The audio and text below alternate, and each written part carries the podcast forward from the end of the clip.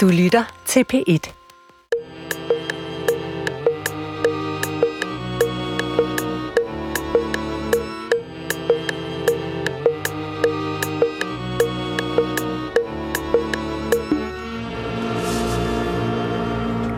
Goddag, mit navn er Peter Lund Madsen, og endnu en gang rigtig hjertelig velkommen til Hjernekassen på P1. Dagens program er foreslået af en lytter. Lytteren hedder Helga Fogtmann Have, bor i Aarhus, og jeg vil gerne sige tak, fordi at du henlæste ledte vores opmærksomhed på dette, håber jeg, tror jeg, meget spændende emne.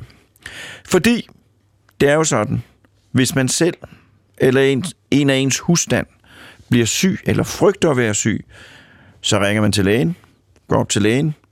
Hvis hundemand, katten, hamsteren bliver syg, så skynder man sig ned til dyrlægen øh, og har pengepunkten med. Men hvad gør man, hvis det store flotte træ ude i haven begynder at skrænte? Findes der nogen, der ved noget om planters helbred? Ja, det gør der. Og vi har en ekspert i studiet i dag, Iben Margrethe Thomsen. Velkommen til dig. Velkommen til lytterne. Velkommen til Hjernekassen på P1. Du lytter til Hjernekassen på P1 med Peter Lund Madsen.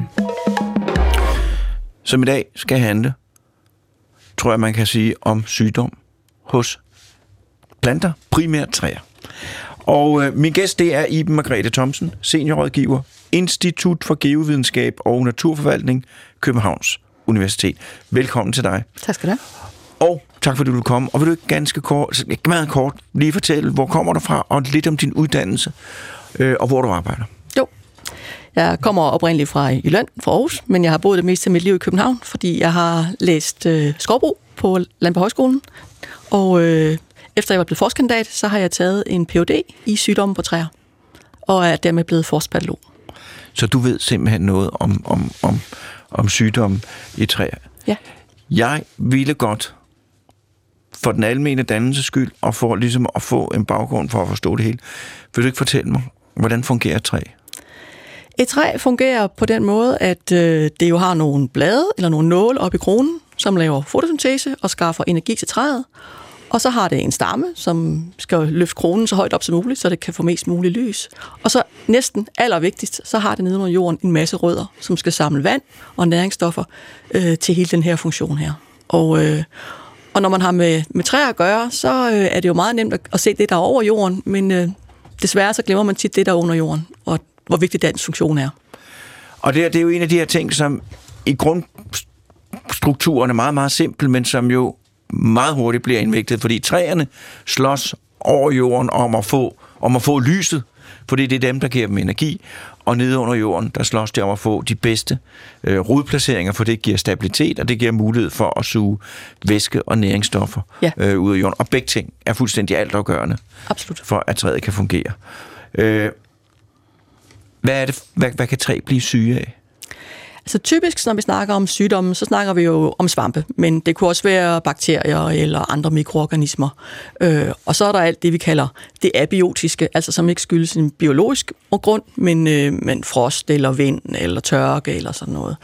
Ja, og, og så er der jo insekterne, men det beskæftiger jeg mig ikke med. Øh, det har jeg kolleger, der tager sig af. Så jeg beskæftiger mig mest med svampene. Så der er simpelthen, øh, man kan ligesom hos mennesker og dyr dele ind i nogle hovedgrupper. Der er den samme type sygdom, som vi kan blive, man kan blive inficeret øh, af bakterier, virus, svampe. Øh, fuldstændig som vi mennesker kan. Det er sikkert nogle andre. Det kommer vi tilbage til. Og så kan der være insekter, der angriber. Det taler vi om en anden gang. Øh, og så er der jo det her med, at øh, hvis livsbetingelserne ikke dur, hvis det blæser for meget, solen ikke skinner, eller et eller andet. Alle Eller de hvis der nogen ting. graver i alle ens rødder væk. Ja.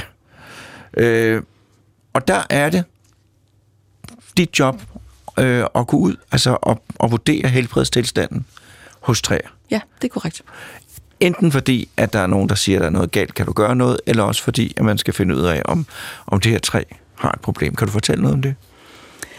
Jamen altså, jeg kigger sådan set på, på træer alle steder. Øh, jeg starter ude i skoven med at kigge på træer derude. Det har været en stor del af mit, mit arbejdsliv. Men, øh, men jeg kigger også på træer inde i byen, og ja, folk privat, folks private haver, ude i landskabet, og juletræer. Og, ja. Hvis der er noget, man gør med træer, der har det dårligt, så bliver jeg typisk involveret. Og hvordan kan man se, at træ har det dårligt? Jamen, typisk er det jo fordi, øh, at det ikke har særligt, kronen ser dårligt ud, at øh, bladene bliver små og gullige, eller falder, helt, falder af, eller hvis det er nålene, så, så bliver de meget tyndløvet, det vi kalder tyndløvet. Altså de simpelthen bliver til dårligt ud i kronen. Eller det kan også være, fordi der kommer nogle svampe frem på træet, som man kan, som man kan se på. Det kan være, det er to muligheder. Så tyndløvet, Ja, så skal man, hvis man bliver tyndlød, skal man opsøge en, en, en, en plantelæge. Ja. Og det er altså noget med, at hvis bladene bliver for små, eller ikke sidder tæt nok, eller hvis de bliver misfarvet, Ja. øh, og, og det samme gælder også nålene, der kan man se, at der er simpelthen... der er et eller andet galt. Der er noget, man kan sige, det træets vitalitet er dårlig. Og det kan selvfølgelig have mange forskellige årsager. Og og det, der kan man sige, er forskerpædagogens job, det er at gå ud af og klarlægge, hvad er årsagen, og så sige, hvad kan vi så gøre ved det? Og hvis man nu siger, tager, du sagde det der med, at man kan, man kan se, hvordan kan man se, at der er svampe i et træ? Typisk så leder vi efter det, vi kalder frugtlæmet. Ja. Men, men du ved sikkert godt, at en, en svamp øh, består jo af, af sådan nogle tråde. Ja. Øh, øh, for eksempel nede i jorden, der er der masser af svampe, svampetråde. Og, øh, og de gode svampe, for eksempel mykorrhizasvampen, der lever i sammenliv med træer, de hjælper træerne med at samle vand og næring.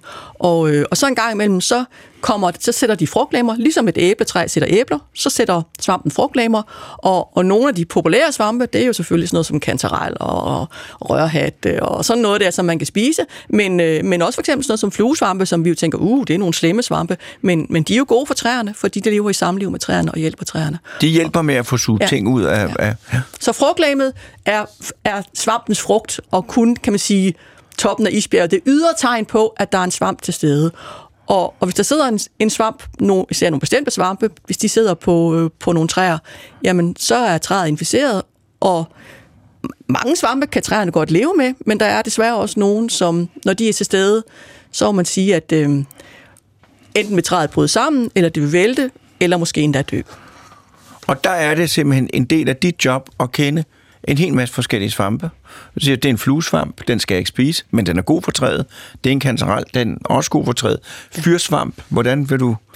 Fyrsvamp er jo et rigtig, rigtig gammelt navn for det, vi i dag kalder tøndersvamp. Ja.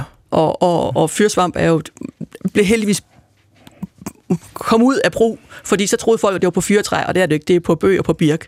Øh, øh, Så hvad hedder den rigtigt? den hedder tøndersvamp, og Tyndersvamp. det har altså ikke noget at gøre med byen Tønder, men det handler om, og det er også derfor, den hed fyrsvamp i gamle dage, det er fordi dens indre øh, øh, af, af frugtlæmme, det tørrede man, og så brugte man det i fyrtøj som gnistfang, fordi det brænder meget nemt, når det er tørt. Og det, og det var derfor, den hed fyrsvamp også hedder. Tønder er jo et gammelt ord for tændstof i, øh, i sådan en fyrtøj, ja. Så det er navnet. Så her kommer lige den første vigtige besked fra Jernkassen i dag. Fyrsvamp er den forkerte betegnelse. Den bringer misforståelser.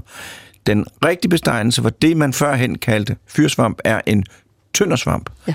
Og begge dele henleder til tøndersvampens øh, fantastiske evne til øh, at, at, at gå i ild, Ja. hvis den er tørret ind. Ja, og man brugte, ja, så jeg, jeg har fået i hvert fald fortalt, at man brugte den gamle i kakkeloven, så lagde man de der frugtlemmer om aftenen, og så ulmede de hele natten, og når man så kom næste morgen, så var der gløder til stede.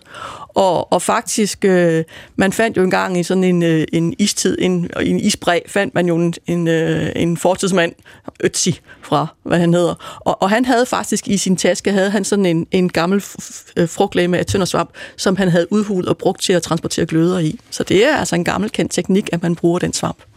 Så han gik rundt med, med, med ilden i lommen. Ja, simpelthen. Men, men, for, men han skulle have en eller anden beholder, og den var altså, den skallen på tøndersvampen er meget, meget hård og meget stærk, og brænder altså åbenbart ikke lige igennem. Det er sådan fascinerende. Jamen det er fordi, at normalt så har man sådan en fornemmelse af, hvis man ikke tænker sig om, at, at først var man dum, og så blev vi klogere og klogere. De var fuldstændig lige så smart. Ja. Det var godt tænkt det der, ikke?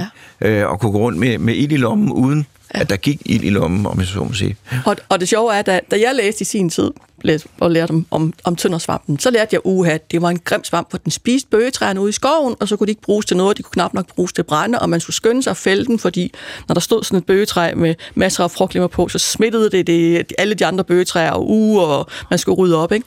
Og, øh, og, og sådan er opfattelsen slet ikke i dag. I dag har man forstået, at, at tøndersvampen er en, en, en biodiversitetsskaber. Den skaber små, den får et enkelt træ til at falde omkuld, og så bliver der en lille åbning i skoven, hvor nye træer kan så sig, og, og tøndersvamptræer er utrolig gode for, øh, for spætter, der, der leder efter insekter i træerne. Og, så, og, og det viser sig faktisk, at når, tøndersvamp, når, når bøgetræer får tøndersvamp, så er det fordi, de er svækket af alder eller tørke eller andre årsager. Svampen er faktisk til stede, skjult i træet, eller i hvert fald i mange af træerne. Og, det, og den, så længe træet er vitalt, så får svampen ikke nogen chance for at angribe. Men det øjeblik, træet bliver svækket og er ved at dø, så kommer tøndersvampen, og så kommer den over det hele. Og, og derfor er det træer med tøndersvamp, de faktisk de kan være farlige at stående, hvis det kan falde ned over nogen. Altså, de står ude midt i skoven, så må de jo gerne falde sammen. Men, men hvis man har det i sin have, heldigvis meget sjældent, men, eller udlangs med en vej, hvor der kører biler, så bliver man faktisk nødt til at gå ud og, og fjerne de træer der. Så er det det, vi kalder et, et risikotræ. Altså et træ, som er farligt for omgivelserne. Men det er jo alligevel en fantastisk ting at vide, når man går rundt ude i naturen og ser sådan et træ med, med, med tøndersvamp på. Det er jo, sådan nogle, det er jo ligesom sådan nogle hvide klatter, der ja, sidder op. store hovformede ja. frugtlemmer, der sidder i rækker op og ned ad stammen. Så er det faktisk, øh, så skal man sige sig selv, et biodiversitetshotspot. Ja, fordi det et træ, der er sygt, om ikke så længe, så vælter det. Ja, og knækker. så laver, det knækker. Det knækker, og så laver det et hul i skoven og bliver et sted, hvor, hvor dyr kan leve og bo. Ja, ja, og masser af insekter, der kan leve i det i overvis. Og, ja. Og der vil jeg også lige sige, og det er også kun lige fordi den generelle dannelse, at, øh, og nu må jeg rette mig, hvis jeg tager fejl, at, øh, at øh, vores, øh, vores øh, øh, planteriget, der er planteriget, der er dyreriget, og der er svamperiget. Ja. Så, så vi er sådan set lige så fjerne slægtninge til svampen, som træerne er. Er det ikke rigtigt? Stort set. Det kan jo godt være, at der er nogle små Ja, ting. ja man, man, man snakker faktisk om, at, at svampe måske er endda lidt tættere på, på dyreriget, end de er på planteriget, så, så, så øh, jeg tror, vi er fjernere beslægt med, med planter, end vi er med svampe i virkeligheden. Ja, ja men, øh, men ja, Det er noget helt andet end træer. Ja. End planter. Ja. Svampe. Ja. Det er en helt anden. Altså gamle dage med, med Linné og sådan noget, der, der havde man svamp, svampene med i planteriet, men man altså fandt ret hurtigt ud af, at det duede simpelthen ikke. De var altså for mærkelige og for anderledes. Og, og den store forskel er jo, at planter de har fotosyntese og laver energi, og det gør svampen ikke. De skal spise noget andet for at få energi. Og Ja. ja. det, de typisk spiser, er planter. Ja. Herunder træer. Og nogle gange gør de på en måde, så de samarbejder, nogle gange gør de det på en måde, så det ikke. Ja. Men, øh, men øh, dit arbejde består i at gå ud. Altså, man ringer man til dig? Ja, ringer eller skriver, eller ja, sender mail, eller hvad man nu gør, og så øh, jeg får masser af, af billeder tilsendt med, og se her er mit træ, og hvad er der i vejen, og, og, og mange af dem er jo nemme at svare på, der kan jeg svare med det samme, men, men nogle gange, så er det faktisk en detektivopgave, der kan tage rigtig lang tid at finde ud af, hvad søren er det, der er galt med det her træ. Men jeg kan godt forstå, at hvis nu, det er Københavns Universitet, at øh, nogen på universitetet ringer til dig og siger, at vi har noget nede i, par, nede i en af vores haver. Men kan privatpersoner også ringe til dig? I princippet, øh, nej, fordi jeg koster penge at snakke med. Ja, men, det er jo, fordi øh, det er jo, det er ja. jo lidt, det er, det er jo arbejdstid og alt muligt. Ja, det er det. Så, øh, så, øh, men jeg vil nu sige, at øh, når folk kontakter mig med det, jeg kalder risikotræer, altså træer, der er farlige, jeg kan falde ned i hovedet på dem, så plejer de altså at få et svar, fordi jeg kan jo ikke sove om natten, hvis øh, ikke jeg har fået fortalt folk, at de skal fælde deres træ, fordi de kan få det i hovedet. Men, øh, men altså, hvis det er større opgaver, eller besigtigelse, eller hjælp, eller større omfang, så må jeg sige, så er det altså konsulenttimetakst. Og det er jo fuldstændig rimeligt, fordi der er jo ikke noget, det er jo, det er jo ligesom, at man ringer til, til lægen og siger, kommer du ikke lige ud i din fritid og, og ordner noget? Ja. Øh, men altså, risikotræer, Ja. det, hvad, kan du fortælle mig om risikotræer?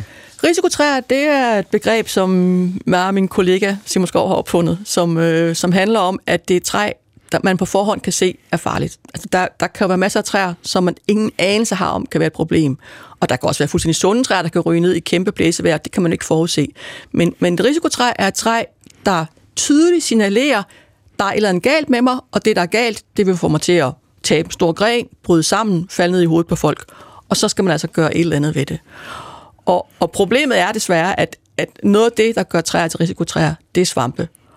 Men samtidig så er sådan nogle typisk gamle svampeangreb med træer, de er utrolig vigtige for biodiversiteten, og de er utrolig vigtige at holde på så længe som muligt.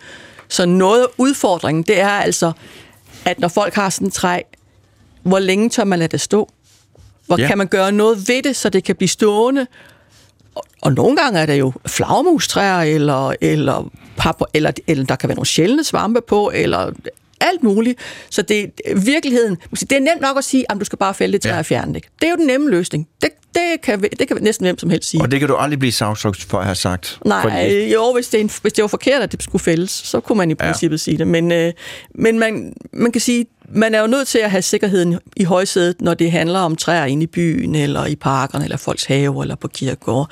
Når man kommer ud i skovene, så kan man sige, så er der jo nok lidt mere tilladeligt at have noget stående. Ja.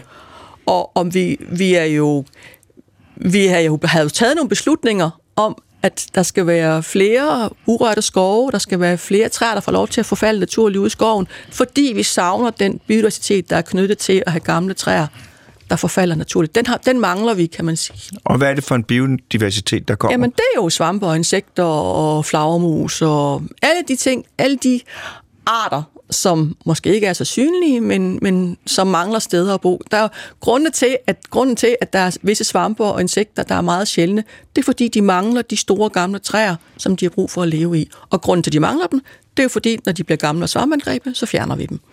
Fordi i gamle dage dengang, naturen, ja, det gør den jo hele tiden, men, men i gamle dage, der, var, der, var, der, var, der fungerede skoven på den måde, der voksede nogle træer op, og så blev de gamle, og så faldt de om, og så lå de nede på, på skovbunden og rådnede, og der var dyr, der boede, og svampe, der boede i alle mulige forskellige stadier i den der cyklus. Men det, der sker i moderne tid, det er, at nu, når træ vælter, så fjerner vi det, og, og, og bruger det, det til... Det, det har man gjort før i tiden. Det er Ja. ligesom, øh, men, men jeg kan sige, de sidste 25 år har, er, der, er der heldigvis sket en, en ændring, så der man er blevet klar over, at der skal mere dødt ved ude i skovene. Og en af de måder, man kan få dødt ved, det er jo ved at lade træerne stå og forfalde. Ja. Eller hvis man er nødt til at fælde dem, så lad, lad det døde. Og det, det gør man, og det kan vi se i vores, øh, i vores skovstatistik, hvor vi går ud og måler. Der kan vi se, at mængden af dødt ved har været stigende i, i danske skove, ja, siden vi startede med, med målingerne i, om, om, omkring 25 år siden. Og stigende er det... Altså, det lægger mere og mere og mere dødt ved derude. og, og hvor meget kan du sige om størrelsen af stigningen? Altså, måske er mængden ah, måske knap, knap fordoblet, men, men altså, det er stadigvæk ingenting i forhold til, hvis du ser på en, en naturskov, eller en, en skov, der har været urørt meget længe. Der ligger måske 10 gange eller 30 gange så meget dødt ved. Men, men mængden stiger, fordi man er blevet klar over, at det er vigtigt, at der ligger det her døde ved ude. Og en af de måder, der kommer dødt ved, det er jo ved, at træerne bliver syge eller gamle, og så på et eller andet tidspunkt kollapser de, og hvis man så ikke tager det helt ud til brænde, eller rydder det, eller Bygger hus af det? Nej, det kan du ikke, for hvis det, hvis det er gammelt råden, så kan du ikke bygge hus af det. Men, men, øh, men så, så det, kan man sige, det døde ved, der mangler ud i skoven, det er rigtig nemt at få. For det er jo bare et spørgsmål om at lade det ligge, når det, når det dør. Det, der er svært at få, det er de her store gamle træer. Altså, vi snakker om kongeen, eller, eller nogle af de, de her meget langt levende træer, der har været der i 400 år, eller 800 år, eller hvad det nu kan være. De, de var der, i, kan man sige, for, for 200 eller 300 år siden, der bestod skovene næsten mest af sådan nogen, fordi det var det, vi kaldte græsningsskove. Altså, der, man, øh, man gik ud og huggede nogle træer en gang imellem, men ellers så det, der foregik, det var, at dyrene de græssede ude i skoven. Og når dyrene græsser i skoven, så spiser de opvæksten, og det vil sige, at det, der stod derude, det var nogle enkelte store gamle kæmper, som langsomt stod og forfaldt lidt, og så faldt der en tør gren ned, og så tog man den til brand og sådan noget. Så, så de gamle græsningsskove, de havde de her store gamle træer. Der Men havde så- det hele for sig selv. Ja, og som havde, og som blev, som blev sådan nogle brede, de var jo bredere, end de var høje, og det blev nogle, det var nogle store kæmper, og dem fældede man jo ikke bare, fordi de var jo ligesom, det var jo dem for eksempel, der gav olden til svinene, ikke? De, de store gamle bøgetræer, egetræer, de gav jo frugt, og, og de var jo vigtige, de var jo, derfor blev de ikke fældet. Øhm, men så kom det ordnede skovbrug jo, i, slutning, i omkring slutningen af 1700-tallet. Og så begyndte man jo at, at plante tæt og få træerne til at vokse lige op, så de kunne blive til godt tømmer. Og dermed så var der ikke plads til de her træer, der blev brede. De, de forsvandt ligesom. Så 200 års ordnet skovbrug har faktisk forhindret de her store gamle veterantræer, som vi kalder dem, i at udvikle sig ude i skovene. Så de her veterantræer, de står nu ude i det åbne landskab, eller i parkerne på de store godser, hvor man har bevaret de her store, fantastiske, bred, bredkronede gamle træer, som kan blive virkelig gamle. Men jeg synes jo relativt jævnligt, når man kører i sin bil, at man ser sådan et så siger man kun, se, se det flotte træ. Så står der jo sådan et bøgetræ eller et egetræ. Ja, men så ser du, det, ser du så ikke i det åbne landskab. Jo, det er det, som du siger, Ja. det er, men, men, men det er virkelig noget, man lægger mærke til. Ja. Øh, I og- skoven kan du se et høj, meget højt træ. ja. Ja, og se, hold op, det er et stort træ. Du kører ned i Silkeborg-skoven og ser de der 30 meter høje, 35 meter høje Douglasgraner og sådan noget, og så siger du, nøj, et højt træ. Men, men du ser sjældent brede træer. Nej, men når man ser dem, så bliver man glad. Ja. Fordi at det er nogle meget harmoniske øh, Ja. former, og det, det, man lægger og virkelig mærke bedste til det. er, at selvom de taber en gren eller en del af kronen falder af, så kan de stadigvæk leve videre og blive til det, vi kalder veterantræer, som har alle de her døde grene og hulheder og små svammeangreb, hist og pist, og alt det, som man skal bruge, når man er, når man er et insekt eller noget andet, der skal leve. Sådan. Det er jo derfor, man siger, at gamle egetræer, de har jeg ved ikke, mange hundrede forskellige øh, organismer, der er knyttet til det her. Og, og det er sådan nogen, som vi mangler, og som vi skal passe på. Vi skal lige have en, på en jingle.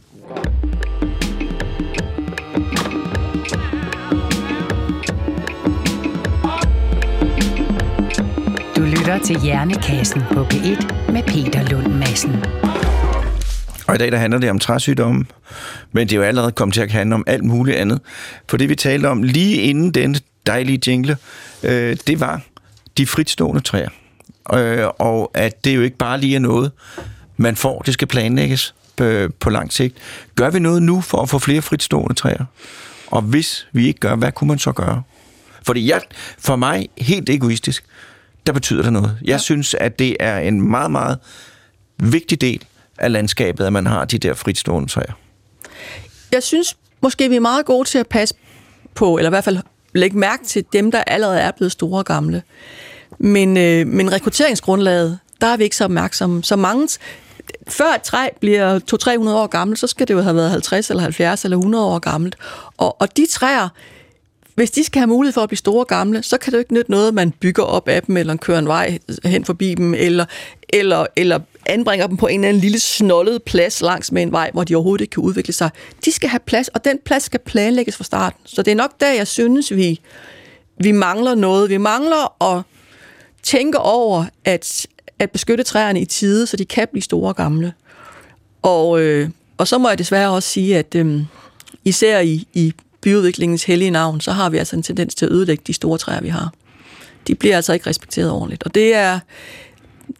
Nogle gange så bliver jeg jo kaldt ud til sådan et træ, som er blevet skadet, og som har det dårligt nu. Ikke? Og så skal jeg jo stå der og sige, jamen det kan jeg da godt forstå, når du har gravet halvdelen af rødderne væk, eller kappet halvdelen af kronen af, og, og det her træ, det kommer ikke til at overleve, og I må bare fælde det. Og Og det har taget 200 år Ja, i nogle det frem. tilfælde. Og så har man bare... Og, og, og det er jo vanskeligt. Altså, altså, der er jo mange, der har ambitioner om, jamen, øh, vi skal bygge et eller andet, men der står altså stort flot træ. Om det vil vi gerne bevare, og det, bliver, øh, det skal bevares og gøre ting og sager. Og så er det jo der, det går galt, når folk ikke forstår, hvordan træer fungerer, fordi man gør rigtig meget ud af, så pakker man stammen ind, og uha, og, man, og kronen skal selvfølgelig bevares og passes på og sådan noget. Men det, der foregår nede under jorden, rødderne, det tænker man ikke over. Altså, der er rigtig mange, desværre, som opfatter øh, træer lidt ligesom en lygtepæl. Ikke? Der er en eller anden klump nede i jorden under stammen, og så kommer der en pind, og så er der noget. Ikke? Og så de lyser forstår det. ikke, Ja. at, at træernes rodsystem faktisk rækker væsentligt længere ud, end kronen gør. Og, og, og det område, der er nede under træerne, det bliver bare betragtet som et frirum, som man kan grave og anbringe sine traktorer, eller byggemaskiner, eller materiel, eller sådan noget. Og så kommer jeg jo derud og siger, jamen jeg kan da godt forstå, at det træ har det dårligt. Fordi I har jo totalt smadret rodsystemet. Nå, nå, det kan de ikke forstå. Og hvis du vidste, hvad jeg får af den slags henvendelser, det er uhyggeligt og beskæmmende og frustrerende, det vil jeg gerne sige. Så vil jeg godt sige, at det er sådan en anden vigtig meddelelse, der kommer nu. Øh, og det er til, til, til alle byplanlæggere og folk, der betjener gravemaskiner. Rodnettet på et træ er langt, det rækker langt længere ud end kronen og, og grenene. Og det og det område skal afgørende. beskyttes. Ja, det, det skal beskyttes. afgørende for træernes øh, velbefindende og overlevelsesevne. Ja. Og det er desværre Det er, jamen det er jo bare noget, der må blive gentaget igen og igen, for det er jo ikke, det er jo ikke sikkert ikke ond vilje. Det er bare øh, manglende øh, rettidig omhu. Ja. Øh, men altså, det, det, på Frederiksberg, hvor vi jo bor, mm. der, øh, så vidt jeg ved, der er jo, der er jo ret skrappe regler for, Ja, man hvad man kan tillade sig at gøre ved de store træer. at man må ikke fælde dem, eller beskære dem, eller gøre noget, men der er ikke nogen regel om, at man ikke må grave alle halvrødderne væk, eller køre hen over rodzonen. Nej, men der må man jo så, så må vi gå op til borgmesteren øh, og sige, at øh, hvis, hvis de mener, det er alvorligt, så er der altså, så er der altså røden, der tæller. Ja. Og her er det sagkundskaben, der taler, siger jeg så, og så peger jeg på dig. Øh, men altså, det er jo en vigtig ting Ja. øh, at vide øh, og bringe videre. Øh, du har jo en bog her, som jeg har fået, øh, og, øh, og den hedder Praktisk vurdering af risikotræer. Ja. Og jeg vil ikke kalde det en bog, det er, det, jeg vil sige Det, en, det er pixie-hæfter til, til den store bog, som bare hedder Risikotræer. Ja, og hvordan får man fat i den? Jamen altså, lige nu kan man ikke få fat i bogen, for den er udsolgt fra forlaget. Men øh, min kollega Simon Skov og jeg, vi er i gang med den store nye forkromede anden udgave af bogen, øh, som forhåbentlig udkommer i løbet af måske en måneds tid. Og hvad, hed, hvad kommer den til at hedde? Den kommer også bare til at hedde Risikotræer. Risikotræer. Det er en god ja. Titel. Ja. Og, øh, og, og det er en det er en stor bog, Ja, fyldt med billeder. ja, som stadsarkitekten burde læse, øh, for at, ligesom at få Ja. den viden, der er nødvendig. Men vi andre privatpersoner, vi kan, vi kan anskaffe os denne her. Ja, det er sådan ligesom den nemme udgave. Der er de, kan man sige, 7-10 værste svampe, som man, som virkelig som er involveret i de fleste af de risikotræer, vi, vi støder på. Og så er der det der, og der er også det med, med rodskaderne. De er også omtalt. Og hvordan får man fat i den? Jamen, øh, man, kan, man kan købe den på, på forlaget. På, hos Grønt Miljø kan man bestille den på nettet, og så kan man få den tilsendt. Og- det er, Og det, det er simpelthen ja, en, det, en guide i, hvis man går rundt ude i sin have, og så skal man se, det her, det er fartøj. Ja. Ja. De her svampe. ja. det er det, jeg plejer til at sige mine studerende. Hvis I skal overhovedet skal beskæftige jer med det her emne her, så er det, så er det her minimum, man skal vide om, om, om at vurdere træer. Og for, for sådan en som mig, der behøver jeg ikke kunne det udenad. Jeg kan jo gå ud, og så kan jeg kigge ja. Ja. på træet og så sige, der er ikke den der, der er ikke den der, der er ikke den der. Det ser jo måske ja. meget godt ud. Så står der også, hvornår du skal kigge efter svampene, for de er jo ikke, nogle af dem er ikke fremme hele året. Tøndersvampen, den er fremme hele året, så den er dejlig nem, Ja. ja. ikke? Men, øh, men nogle af de andre, de er kun fremme på bestemte tidspunkter, og, og nogle er svære at få øje på, og man skal vide, hvad man skal kigge efter. Men øh, ja. Så det der med at, at holde øje med sin træers helbredstilstand, det er dels trives det, man angår øh, blade og det hele, og, øh, og så er det øh, så svampetjek, som nogle svampe kommer på forskellige tidspunkter. Ja. Så har man nogenlunde fornemmelse af, hvordan helbredstilstanden er. Ja, så kan man, så kan man klare skal man sige, det allermest, det allernemmeste og aller værste. Og hvis det bliver værre, så må man søge. Ja, eller hvis det ikke er nogen af dem der, og det er mere kompliceret, så Ja. man kan sige, at vurdering af, af, af risikotræer, det er virkelig en, jeg vil ikke sige, det er en specialistopgave, men det er en opgave, der kræver uddannelse og fagkundskab og, og erfaring. Så, så men, men det, det findes der folk, der kan. Øh, ikke kun mig og Simon, men også andre. Så det, øh, der må man rådføre sig med nogen, der har, der har den. Helt specielt. Det er jo ligesom, at man kan jo godt have, bruge sådan nogle, nogle små håndgreb for at se, om, om, om det er alvorligt, men så må man jo også gå til lægen, når det begynder at blive... Det er jo fuldstændig Ja, øh, det man samme. skal være opmærksom på symptomerne, og hvis man så ikke er helt sikker på, hvad symptomerne viser, så spørger man en specialist. Men det, der er et ofte overset og alt afgørende aspekt i, i træsundhed, det er rodnettet. Ja. ja. Hold jer fra træernes rødder, de rækker langt, langt længere ud, end, end man... End man øh, end man tror. Ja. Det var den tommelfingerregel er, ja, men de rækker lige så langt ud som kronen. Ja, men det er også meget fint, men hvis nu træet står ved siden af en vej, eller har eller begrænset på anden måde, hvor, hvor øh, rødderne kan komme hen, jamen så er den jo nødt til at sætte endnu flere rødder ud i en anden retning. Og så kan man tro, jamen jeg, er- jeg er- går det, det går meget fint, for jeg har holdt mig væk fra der, hvor kronen er, men hvis alt, hvis hele rodnettet er sk- skubbet i en anden Ja. ja. retning, så man er, man er nødt til at kigge på, hvor, hvordan står mit træ? Hvor har det mulighed for at sætte rødder henne? Og hvad skal, hvor skal jeg passe på henne? Og ellers så må man simpelthen undersøge, jamen er der rødder? Må man prøve grave? forsigtigt. Forsigtigt, Ja. Øhm, kan du nævne sådan... Øh, øh, dengang, nej, jeg vil sige det på en anden måde. Dengang jeg var ulvung, der var der et øh, mærke, der Naturkender, og der skulle man kunne fem, øh, fem træsorter øh, for at få det. Man skulle også kunne en hel masse andre ting. Og det har været mig til en meget, meget stor glæde, det, det mærke, og jeg har også nævnt det før, fordi det gør jo, at jeg ser meget mere, når jeg er ude at se i naturen. Øh, kan, du nævne, kan du nævne sådan nogle, nogle stykker, nogle bemærkelsesværdige træer, det er godt at kende i Danmark? Altså, man skal selvfølgelig altid kende bøgen og en. Det, Ja. er, ligesom, det er ligesom en must. Øhm, Og hvorfor kan du godt lide bøgen og en? altså, bøgen er selvfølgelig nationaltræet, og så fordi, ja, det er jo bare fantastisk, når den springer ud om foråret og står der med sine lysegrønne blade. Og, og en skal man jo kende, fordi det er jo et af de træer, der kan blive virkelig gamle, og som er en, en, en meget vigtig for, for biodiversiteten og i det hele taget, og, og er Ja, det er bare et flot, og stru- strukturelt flot træ, ikke? Med, med den måde, det grenene, kronen udvikler sig på. Og er det ikke også rigtigt, at i, sten- i stenaldertiden, der var der masser af egetræer i Danmark? Jo, Det må have set fantastisk ud. ja. Det var den, du ved, den gamle historie om bøgen og en, ikke? Hvor, hvor, hvor bøgen bliver introduceret og, og ligesom overtager. Og det er jo Nej, fordi, den kender bøgen- jeg ikke. Nå, nå, det er, det historien om, at det, først var der egetræerne, altså hassel og e og sådan noget, lind og sådan noget, ikke også, ikke? Men så blev bøgen så introduceret, og, og den er jo en skyggetræart, og, så den oversk- og den vokser hurtigere end egetræet, så den overskygger jo. Den overskygger- stjal det lys, de alle sammen kæmper Ja, ja, den er, det er jo derfor, du går ud i en bøgeskov, hvor hvad er der i bøgeskoven? Ja, der er der anemoner, fordi de kommer ind, bøgen springer ud, Og ellers så er der bare lukket. så er der bare ingenting. Ikke? Så det er jo sådan en bøgeørken, som vi kalder det. Så, Du kan godt lide bøgen om foråret, men der er også li- alligevel lidt irritation over, at den er så effektiv. Øh, ja, eller den, øh, den er bare lidt kedelig med hensyn til, hvad der ellers er. Altså, Ja. Hvis man siger sådan et skovøkosystem på det, ikke? så altså, egetræet, der slipper en masse lys ned til skovbunden, der er jo en masse af ting, der kan vokse der nedenunder, ikke? Og, og, og asken og sådan noget. Ikke? Men, men de der mørke træer, som bøgen og æren, ikke? De, ja, det er lidt kedeligt, og der, der ville det være bedre, hvis det var noget mere blandet. Og, og det er jo også det, man forsøger at gøre. Ikke? Man vil gerne have noget mere blandet skov, fordi det giver en anden dynamik, og, det, og blandet er jo ikke kun forskellige træarter, men også forskellige aldre. Øh, I det ordnede skovbrug, der har vi jo, nu er jeg selv forsker der, ikke? så jeg har jo lært det der med, at vi planter den samme træart, og de skal være sammen lige, lige gamle, og så tynder vi dem, så der kan blive plads, og de kan blive store og tykke og blive til godt tømmer. Og det er jo meget effektivt. Ja, og der er jo sådan øh, to modsatrettede behov, som ikke behøver at, at, at ekskludere hinanden. Men altså, på den ene side, den der velordnede bøgeskov, som er øh, konstrueret til at lave træ, den er jo enormt god, fordi at den giver os træ, og Ja. den fjerner ovenikøbet CO2 Ja. fra systemet. Så på den måde tjener den et formål. Ja. Og så er, der alligevel, så er det alligevel ikke nok, fordi vi skal også, hvis vi gerne vil have noget mere spændende skov og nogle flere levemuligheder for flere arter, så bliver man også nødt til at have en anden slags skov, øh, som er mere, øh, mere Naturnær. naturnær. Ja, eller, eller bare er naturskov, altså ikke bliver, bliver drevet øh, med det formål. Og det, og det kan man sige, der er skovbruget jo også på vej hen.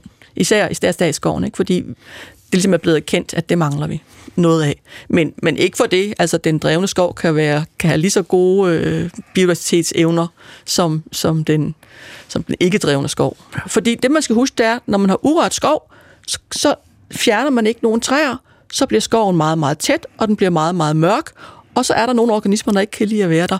Hvorimod, hvis du, hvis du tynder i skoven og åbner op, så skaber du noget lys ned til skovbunden, noget dynamik. Så, så øh, altså jeg, jeg synes, urørt skov er fint, men jeg synes, at man skal tænke over, at det skov, man lægger urørt i Danmark i dag, det er jo noget kulturskov, som er vokset op som, som skovbrug, og derfor øh, vil det tage meget, meget lang tid, før den dynamik indfinder sig naturligt. Så det bedste, man kan gøre, det er at gå ud og skabe dynamikken ved at fjerne nogle træer. Det gør man jo også, man går ud og fjerner nåletræerne, eller man, man tager nogle bøgetræer væk, som er kedelige. Og det man så, så gør, det er, i gamle dage, der tog man de grimme træer væk, og lod de flotte træer stå. Og nu skal man gøre det modsatte. Man skal tage de flotte træer væk, der kan blive til tømmer og alt muligt, og så skal man lade de grimme, krogede træer stå, for det er dem, der bliver bedst, hvis man skal have biodiversitet. Så det er sådan helt modsat. Og det er ikke et spørgsmål om enten eller. Øh, fordi at jeg kan jo se, jeg cykler ude på, på Amager, når det er varmt i hvert fald, når det ikke, nej, når det ikke er koldt, sådan vil jeg sige det. Og efter corona er der rigtig mange, der har opdaget det område. Der er jo rimlende fyldt med folk. Jeg tror, at er der noget, hvis, det kan godt være, at man skal ikke lave folkeafstemning, men er der noget, danskerne gerne vil have, og er der noget, der gør danskerne i godt humør, så er det at kunne komme ud i en natur, der er forskellig og som er smuk. Så det er altså også virkelig altså, penge, der er brugt på mental hygiejne og på livskvalitet, at man lægger jord, land ud til det her. Ja. Og variation er godt. Og variation er fuldstændig godt. Jeg skal lige, jeg skal lige fordi at øh, Morten påpeger, at jeg faktisk ikke har været kritisk journalist nok, fordi hvor kom bøgen fra, og hvem introducerede den? Kan du man sige noget om det? Eller kom den bare? Jamen, den kom jo sydfra. Ja. Altså, da det blev varmt nok til det, og ja, hvem der introducerede den, det er jo et godt spørgsmål. Øhm, men der har jo nok været den har jo langsomt kunne sprede sig ved at, at sætte frø, og så har der jo måske også været nogle mus og nogle fugle og nogle æren, som har taget frøene med sig og lagt et sted, og så er der kommet noget nyt op og sådan noget. Men, øh, Så det var mest klimaet, der ændrede sig? ja, og så gjorde- naturlig indvandring, Ja. altså, det, det er jo den måde, som efter istiden, så, så den måde, som vegetationen kom ind på, det jo naturlig indvandring. Og der hørte jeg fra en af dine kolleger i en tidligere hjernekasse, noget jeg har tænkt meget på siden, om at det er, at det, det dybest set handler om for et træ og en blomst, og sikkert også for en svamp, det er få sine frø bragt så langt væk som muligt. Ja. Og få dem til. Det er formålet med livet. Ja. Øh, og alting er lagt rettes på æbler, alle mulige ting. Det er udelukkende for få, sig, det er ligesom og, det. og komme, komme, få dem bragt langt væk, så de kan få. Og der har svampene en stor fordel, fordi deres frø, sporene, de flyver med vinden, og de kan jo flyve mange, mange, mange kilometer, hundredvis af kilometer nogle gange. Det går også godt for svampen. Ja, det går fint. Hvis, Øh. hvis, der er, hvis der er det, de gerne vil spise. Ja, de, er de, de er mere kredsende.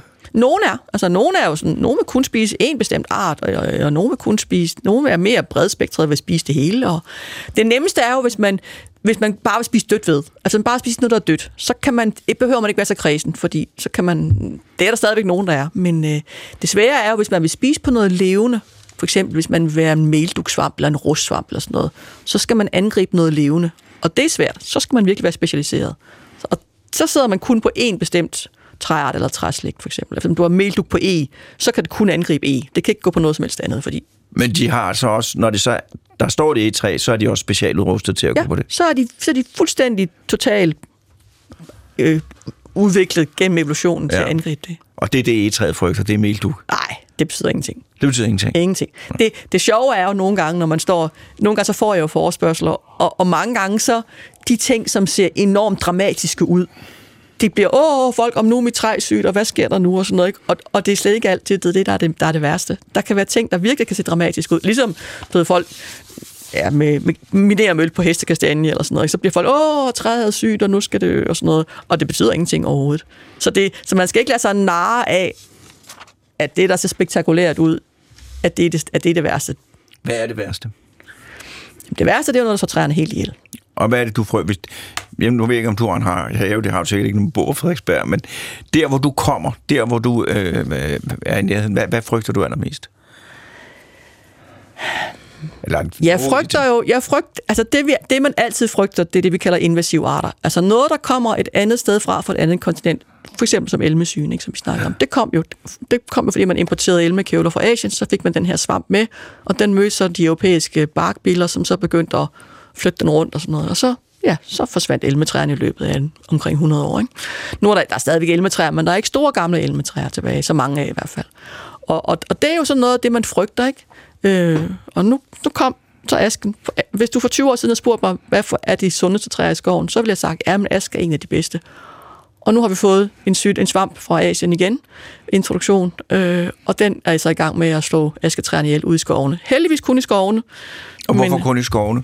fordi den kræver rigtig høj luftfugtighed og rigtig tæt, øh, tæt miljø Ja. for, at, for at, ligesom at kunne inficere. Den, den, den ligger nede på skovbunden, frugtlemmerne, og så skal de, sporene skal flyve op på bladene og inficere det op og sådan noget. Så det, den er, men den er til gengæld også ret katastrofal i skoven. Det var en ny sygdom, der kom til begyndte at se- få de første henvendelser i omkring 2002 og 2003. Øh, og det gik et stykke tid, inden vi overhovedet fandt ud af, hvad det var, der, hvad søren det var, der foregik der. Og, øh, og ja, det er den, de, de mest modtagelige, de døde ret hurtigt. Men nu står der nogen derude, som faktisk er, er rimelig modstandsdygtige, og, og de holder så, og vi, jeg har så kolleger, der arbejder med genetik, og de har så identificeret, okay, en, de 1, 2, 3 procent af asketræerne, som faktisk er modstandsdygtige over for svampen, dem avler vi så på. Så nu får vi en, en, Ja. en population, jeg ved det ikke, en Jo, population, jo, en bestand, En, en bestand, som så er fremavlet, som kan gå igennem det der nåleår. Ikke? ja. Ja. Som er, kan klare den asiatiske ja. Aske, askesyge. ja. Nej, det Øh. hedder den ikke, men altså, men øh, svampen hedder, ja, svampen hedder Hymenoscyphus fraxinus, fraxineus, eller asketop tørre stilkskive. Du er lytter til. Hjernekassen på P1 med Peter Lund Madsen. Øh, jeg skal lige høre det igen. Hvad, hvad hedder den, den, der, den der nye? Svampens, svampens navn er Hymenoscyphus fraxineus, men på dansk kalder vi den for asketop tørre stilkskive, fordi den laver sygdommen asketop tørre. Og der er det jo et af de tilfælde, hvor det latinske nærmest er nemmere end den danske. Ja, det, det er virkelig at slå knuder på selv. Men, men det er fordi, vi havde... Der var en svamp i, der, i Europa, som var som var, kan man sige, fætter til den her. Og den var helt naturlig sammen med asketræerne og, og spise bladene, men gjorde ikke nogen skade. Og den hed så askestilskive, fordi det er sådan en lille skive på en lille stilk, der sidder på gamle, gamle rester af askeblade. Og da vi så fik den nye svamp, jamen så kom den så til, og den, så den lavede sygdommen asketoptørre, som blev navngivet længe inden vi vidste, hvad der var for en svamp, så kaldte vi den asketoptørre, fordi toppene de bliver tørre. Ja. Og så måtte svampen jo så hedde asketoptørre stilkskive. Ja. Frygteligt navn, men øh, Vi har talt om egetræ, vi har også talt om bøgetræer. ja. Øh, hvad for nogle andre danske træer, synes du, man sådan til husbehov skal kende? Jamen, så synes jeg, man skal kende asketræet, som jo er nemt at kende, for de har sorte knopper. Det er der ikke ret nogen andre træer, der har. Sorte knopper på Ja. stammen? Nej, altså, i- altså i knopperne, altså de knopper, som sidder om, om vinteren, så Ja, ja, de er sorte sorte. knopper, ja, ja. ja. så de simpelthen, når, når de springer ud, så kommer der selvfølgelig de der karakteristiske blade med mange små, Ja. mange små blade. Ikke? Men, øh, og hvis man har asketræer, så skal man passe rigtig godt på dem.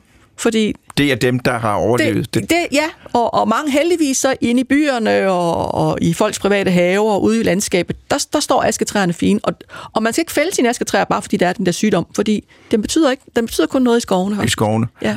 Og hvad karakteriserer asketræ? Hvad kan man... Jamen, asketræ er jo... For det første er det et lystræ ligesom en, så det vil sige, der er masser af mulighed for, at- for at have, have noget. Og faktisk er øh, det, vi kalder askeellemoser, det er faktisk en, en særlig beskyttet naturtype i Danmark. Vi har det, der hedder Natur 2000, hvor man har forskellige naturtyper. Og lige præcis askeellemoser er, er en, en særlig beskyttet naturtype. Og, og det er jo i skovene, og det er jo problematisk, fordi de har det jo ikke særlig godt, de der askemoser. Så hvad gør man så? At, men forhåbentlig, så kommer der nu de nye Vi resistente vi asketræer. holder fast med det yderste af neglene. Ja, så hvis man har asketræer, så pas godt på dem. Og det kan man se, hvis de har de sorte knopper. Ja. Øh, hvad for nogle andre træer, hvis du skulle have en to-tre til? Ahorn? Nej. Altså, ja, det er jo lidt pinligt at sige det, men altså i skovbruget, der betragter vi jo ahorn som ukrudt.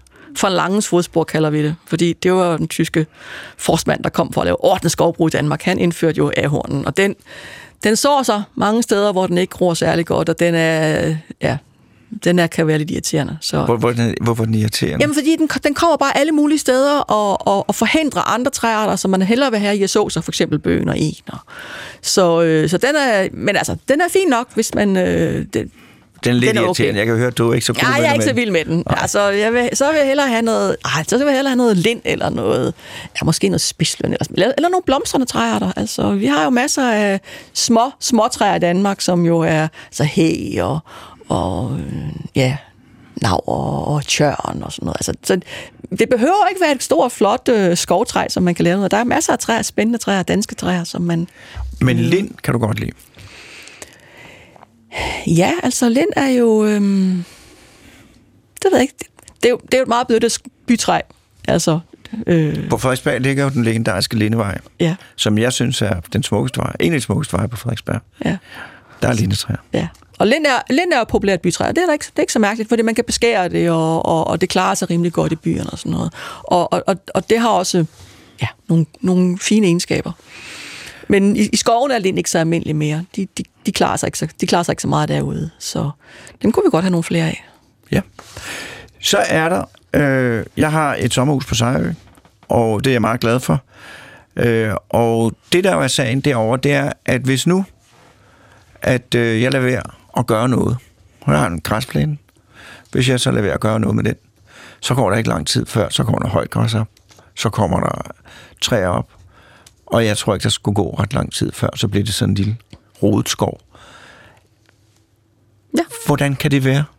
Jamen altså, man kan sige, hvis ikke man gjorde noget i Danmark, så ville vi alle, så det hele være dækket af skov. Sådan er det jo. Altså skov, Og er det, er jo, fordi, der simpelthen ligger frø nede i jorden og venter? Ja, eller ja, og bliver øh, fløjet til. Altså for eksempel birkefrø, de kan jo flyve langt, ikke? Så, så det er sådan, birken er det, man kalder en pionerart, ikke? Og, og hvor, som, hvor, som hurtigt indtager de her, de her åbne arealer. Og, og det er jo det, altså skov er jo klimaks, hvad kan man sige, systemet. Så, så hvis ikke man gør noget, forhindrer det, så, er, så, skal, så vil alt være dækket af skov. Sådan er det. Og, øh, og, og, og det kan jo være fint med sådan en lille naturskov, hvis man har lyst til det, men det, som du siger, det kan godt blive lidt, lidt rodet øh, i første omgang. Hvor lang tid vil der gå? Det kommer jo an fra sted til sted, men sådan...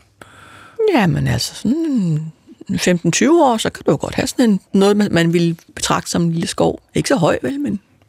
Så det vil sige, at hvis nu, det kan jeg jo ikke forestille, men hvis nu, at, at, øh, at alle menneskene forsvandt fra Sejrø, mm. Ja, så vil, det har jeg også set nogle billeder af, ikke lige fra Sejrø, men forskelligt, så går der egentlig ikke ret lang tid før, så kommer der skov, så vokser træerne ind i husene, mm. så falder de sammen, og der kommer svampe og. Ja. og sådan noget der. det er jo naturens, det er det naturlige, at der, øh, der, der skal selvfølgelig være noget, der kan, der kan så skoven. Altså, hvis der, der skal helst være nogle træer i nærheden, som kan sætte frø. Du, selv, du selv sagde, deres hele deres formål, det er at få sat nogle børn ud i verden. Ikke? Øh, men ellers så kan det jo noget af det, nogen kan, nogen kan frø kan flyve langt, ikke? Og, Og så fugle kan spise Ja, det- ja og du, det er jo mange, mange træer, der laver, der laver fr- frø, frugter, altså røn og tjørn, og de laver jo simpelthen noget, som fuglene har lyst til at spise, og det, de spiser, det er jo det, vi kalder frugtkødet. Og når de så flyver hen og klatter et sted, så er frøene gået igennem tarmsystemet uden problemer, og så, øh, og så får man det. Og, Og, og det er simpelthen, når man sidder og kigger på sit æbletræ og siger, Ej, hvor er det et flinkt æbletræ, det giver mig alle de der æbler hvert år, og ja. det eneste, jeg skal, det er bare, at jeg skal passe på, det, på, på rødderne, så er det ikke en gave til os, men det er led i en udspekuleret plan, der ja. Ja. går i, at der er nogen, der skal spise de æbler. Ja. Og så... Øh, og så spytter de små ja, perler ud. ud alle steder. Ja. Men nu er æblerne jo endnu smartere, fordi nu kan de jo få os aktivt til at lave æbleplantager. Ja, Så det er jo men, den- men det er jo fordi, den- det er jo fordi de er avlet. Altså, ja. hvis, hvis du skal snakke om, om naturlige æbler, så er det jo skovæbler eller skovæbel, som... Ja, men ja. det er altså, det var sådan lidt en rar oplevelse for mig, at alt det der frugt, Ja. øh, og, øh, at det er simpelthen udelukkende til formål ja. at få spredt de frø ja. Så langt væk Og nogle gange er muligt. vi så ikke så glade for det, fordi for eksempel sådan en invasiv art som glatsbadet hæg, den sætter utrolig mange frugter, og fuglene spiser den, og så skider de det ud over det hele, og så får man alt det der forbandede glansbladet hæg, som Hvad er for, det, for, jeg kan, nu kan ikke, jeg kan godt lide øh, dit forhold til, når du siger glansblandet hæg. Glansbladet. Så, glansbladet hæg, så ser du simpelthen så træt ud. Ja. Det Hvorfor? er for, fordi det er en invasiv art. Så man det er en art, man har introduceret fra et helt andet sted. Øh, og, øh, og så har man brugt den, fordi den voksede hurtigt, den var nemmere med at gøre, så man brugt den i lægehegn og forskellige andre steder. Og det har man så gjort i måske 15, 20, 30 år, og så lige pludselig, da, da den blev stor nok til at begynde at sætte frø, så fandt man ud af, at den jo bare såede sig alle mulige steder, og fuglene spiste frøen og blad alle steder. Og nu har man den simpelthen, altså, den er simpelthen en pestilens, ikke? fordi den, den invaderer, og, og for eksempel og også i skoven, ikke? så har du den alle mulige steder, og du kan ikke få den, den naturlige skov op, og den hører ikke hjemme i det danske landskab, og den, den udkonkurrerer det, som naturligt skulle være der i stedet for. Altså lidt ligesom når med bjørneklo og ja, dine Hyben. hybenroser. Ja. Jamen, jeg har det med hyben, som du har det med glansbladet hæg. Ja. Men hvordan ser glansbladet hæg ud? Fordi jeg, den vil jeg også godt gå rundt og true lidt af, hvis jeg ser den ude i naturen. Jamen, den har, den har sådan nogle aflange, dovale blade, som er, som er meget øh, øh, øh, glatte og, og skinnende næsten. Øhm, ja, så har den nogle røde frugt, men du kan bare søge på glansbadet her, så får du nogle Og det billeder op. er HAG med. HAG, ja. Ja. ja. Vi har jo den, den almindelige hæg, som er hjemmehørende. Det er vores hæg. Det er vores, det er den rigtige hæg. Ja. ja. Øh, og, øh, og, og den, den, den, den er, det er et smukt træ, og den blomstrer om de der lange, hvide klaser i maj måned. Ikke? Majtræ kalder man den også. Og, og det, er det, det er den rigtige hæg, det er den, der skal være der. Ikke? Så er der Og glansbladet så er der ja, ja, som, som bare er. Og, og det, det er jo et rigtig stort problem, når man flytter planter fra et kontinent til et andet, så risikerer man, at det går galt. Fordi at de ikke har den naturlige modbalance Ja. på det nye kontinent, som de havde på den gamle. Ja, der er, de er simpelthen, de, de, de undslipper ligesom de ting, der begrænser deres, øh, eller kon- udkonkurrerer dem, eller holder dem i balance, ikke? og så at det går galt. Og det er jo det samme med svampesygdomme og insekter og sådan noget. Ikke? Det er jo fordi, og, og de kan komme hen et sted, altså med svampesygdomme og insekterne er det også fordi, de kommer hen et sted, hvor der er nogle, vær, nogle træer, som ikke, som ikke kender dem, som ikke har modstandskraft imod Ja, ja, dem. Ikke? Og så er det går galt med elmesyn og alt det der. Ja. Hvem var det, der tog glansbladet hæg til Danmark? Og hvor kommer den fra? Du skal ikke nævne navn, du kan bare sige, at det var nogen. Jeg, jeg, tror, jeg tror, den oprindelige er fra Nordamerika, men jeg er faktisk ikke 100% Nej. sikker. Men den er den, altså, øh, prydeplanter, der er introduceret alle mulige mærkelige steder fra, det, det går jo godt rigtig, rigtig, rigtig mange gange. Og desværre en gang imellem, så går det helt galt. Hvor man, fordi man ikke har forstået, at, at det kunne blive et problem. Og, og, og desværre, mange gange, når det, man opdager, at det er et problem, så er det for sent, ikke? så er den ligesom blevet til Altså, ikke? der ved mit sommerhus, og nu når vi snakker om den der hy, hybenroser, Ja. der var jo det der smukke er til dels lidt endnu, øh, med Marehal, dansk strange, som jeg synes jo er ret specielt for det her. Øh, der er ikke så mange steder på jorden, Nej. øh, at jeg har set den. Og der kan man jo se, hvis man ikke gør noget, så så breder den sig ud, og så spiser den. Og hvis der ikke er nogen, der gør noget, så vil det der om 100 år, så er der bare ikke noget meget og så er der rød klitrose, ja. eller hvad den hedder, hyben, ja, ja. øh, som er pæn, men som den er, det andet var pænere. Ja. Og, og alt det andet, biodiversitet og plante, samfund og sådan noget, ja, det bliver udkonkurreret. Og det er det, der er problemet med invasive planter. Og hvad gør man med det? Er der noget at gøre andet end at bekæmpe dem lokalt? Ja. Eller er det... Man må bekæmpe dem så godt man overhovedet kan og prøve at komme af med dem. Men det er desværre både dyrt og besværligt. Og en kamp, man ikke vinder. Ja. Kan man forestille sig på sigt, at der så kommer nogle, nogle mulige nye danske planter, der kan eller det er... Mm, altså nye planter, der kan sagtens komme nye plantearter til Danmark, men de vil jo typisk enten blive introduceret eller indvandre naturligt sydfra, når det bliver varmt nok til, de kan være her. Ja. Så talte Morten og jeg lidt om, inden at jeg kom, om noget med træer på Grønland.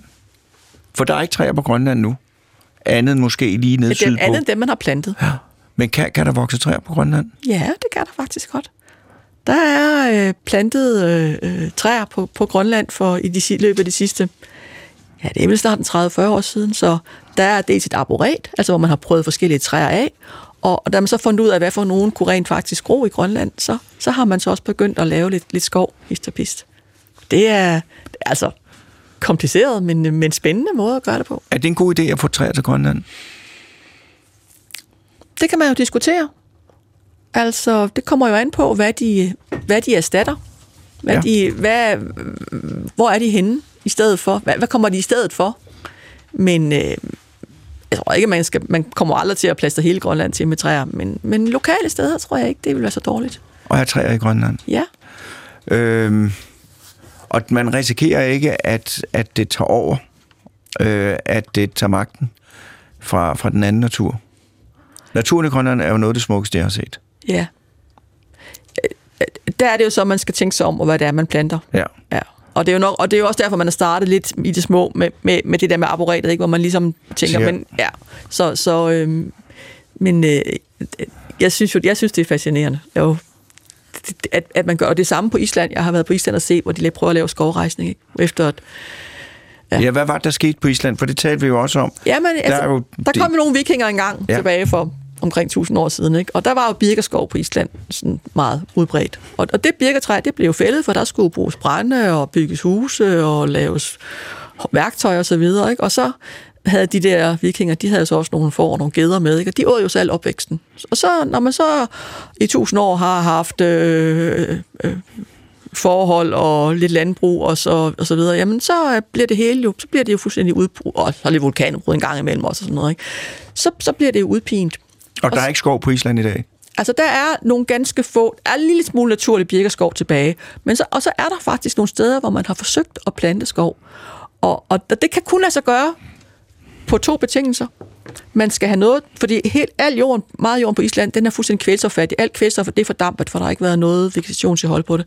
Så man sår lupiner, der kan samle kvælstof fra luften. Og lupin er en blomst? Ja, det er en, ja, det er en, ja. en urt, kan man sige. Så det sår man til at samle kvælstof, og så planter man for eksempel sibirisk lærk, og sammen med den sibiriske lærk, der kommer så en rørhat, altså en mykorrhizasvamp, der hjælper lærketræerne med at samle næringsstoffer og vand i den der meget, meget udpinte jord.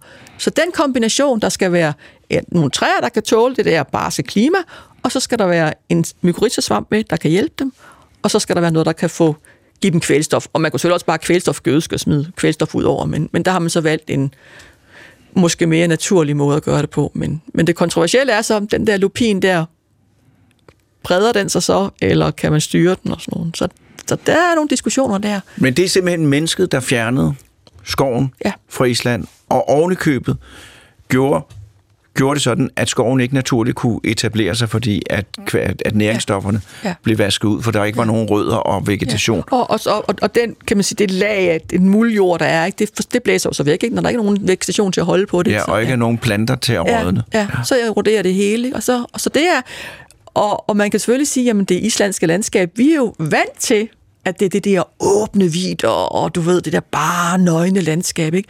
Men, men og vi tænker ikke om, at det er unaturligt, for sådan har det set ud i tusind år, ikke? Men det er en menneskeskabt kultur. Ja, det er det faktisk i sidste ende, ja. Og jeg har hørt, at hvis man ikke havde fundet på det med kul, så ville træerne også være forsvundet i Europa, fordi man var meget, meget godt i gang med at fælde træer for at få brænde. Ja. Og det var kun fordi, at man fandt noget, man kunne bruge mere effektivt, Ja. at skovene blev reddet. Altså, kan man sige, de danske skove, de var jo fuldstændig, de var jo nede på, ja, 4% af arealet var skov tilbage i 1700-tallet, ikke? Og, og det er jo ikke det, og det var ikke skov, som vi forstår med skov, det var de der græsningsskove, ikke? Hvor, hvor der var nogle store, få store gamle træer, der stod, og så græssede dyrene imellem, ikke? Og svinene gik på olden og så videre, ikke? Og, og der gik man jo så det gang med det der ordnede skovbrug, for man kunne se, jamen, der var jo ikke nogen træer, man skulle til at bruge og, og brænde og sådan noget, ikke? Så, så, øh, så de var jo, ja, det var det, jeg lærte som forskandidat, ikke? Hvordan, hvordan man havde fuldstændig nedbrudt skoven. Den var i knæ, men nu har vi fået reddet den. Og det går, går det godt, eller går det skidt for Det går rigtig godt. Vi er jo oppe på omkring, ja, snart 14 procent af arealet, der er skov, og, og skovene har det fint. Ja. De, de, de lider lidt under de her ekstreme vækstende vejrforhold med våde vintre og efterår og meget tørre sommer og forår, men det, og en gang imellem, så kommer der også lidt, lidt andre problemer. Men, men som overordnet set vil jeg sige, at, at skovene er sunde og, og velfungerende i Danmark. Og så til sidst, hvis du fik lov til at ønske, hvor meget, det er jo bare dit ønske, øh, øh, hvor, meget, hvor, meget, hvor mange procent af Danmark, synes du, skulle bestå af skov? Åh, oh, det spørger du en forskandidat om. 25 procent. 25 procent. Eller måske ikke nødvendigvis skov, men i hvert fald øh, natur, der er træbaseret. Det behøver ikke være skov. Det kunne også være nogle af de her øh, græsningsskove, hvor der er nogle, no, at der står store træer rundt omkring, og der foregår noget andet imellem. Tusind tak. Tak fordi, at du passer på vores træer, og tak fordi, at du fortalte os, om skov, og om, den, om alle de farlige øh, invasive planter. Tak også til Morten Krøholt, og tak til Sile Augustinusen, som har lavet research. Også tak til lytterne. Og så er der ikke andet at sige, God i skoven, den er også god om vinteren. På genhør med nu.